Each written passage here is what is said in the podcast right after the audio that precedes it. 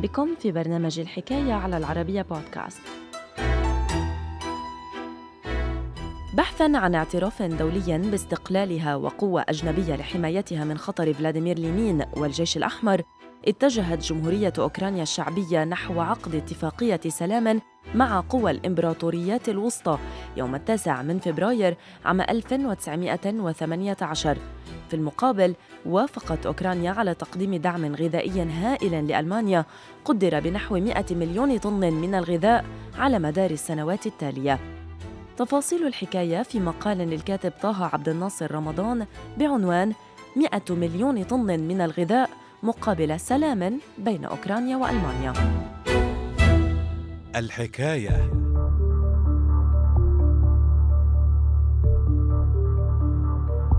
100 مليون طن من الغذاء مقابل سلام بين أوكرانيا وألمانيا خلال النصف الأول من شهر فبراير عام 1918 كان العالم شاهدا على عملية توقيع أول اتفاقية سلام خلال الحرب العالمية الأولى.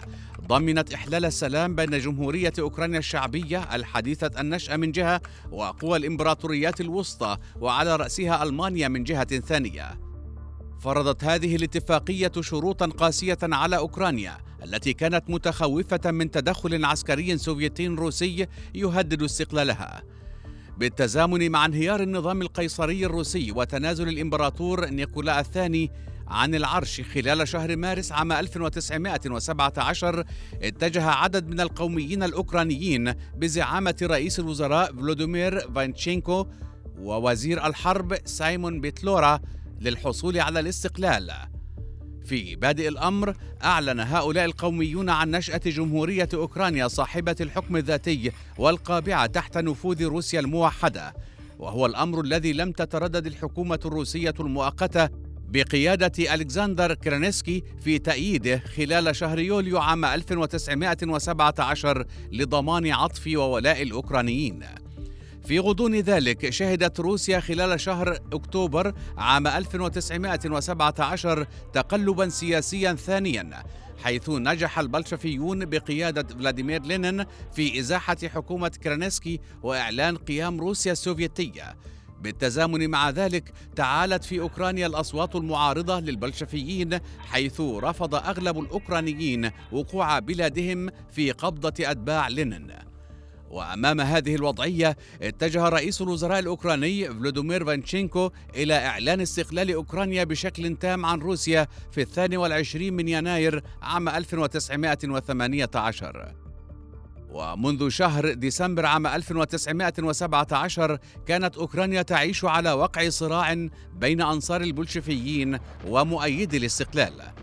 ومع إعلان استقلال البلاد لم يتردد فلاديمير لينين في نعت جمهورية أوكرانيا الشعبية حديثة الولادة بالجمهورية الرأسمالية الظالمة ليأمر على إثر ذلك بإرسال الجيش الأحمر السوفيتي نحو الأراضي الأوكرانية لاستعادتها وإسقاط الجمهورية. وأمام تدخل الجيش الأحمر اتجهت أوكرانيا لطلب المساعدة من الجيش الألماني الذي لم يتردد لحظة واحدة في مد يد العون للقوميين الأوكرانيين الذين تمكنوا في النهاية من طرد الروس من أراضيهم. وبحثا عن اعتراف دولي باستقلالها وقوة أجنبية لحمايتها من خطر فلاديمير لينين والجيش الأحمر اتجهت جمهورية أوكرانيا الشعبية نحو عقد اتفاقية سلام مع قوى الإمبراطوريات الوسطى. في التاسع من فبراير عام 1918 وقعت كل من أوكرانيا وألمانيا والنمسا وبلغاريا إضافة إلى الدولة العثمانية على أول اتفاقية سلام شهدتها الحرب العالمية الأولى. وبموجب هذه الاتفاقية تم ترسيم الحدود الأوكرانية وحل عدد من الخلافات حول بعض المناطق الحدودية بين أوكرانيا والنمسا.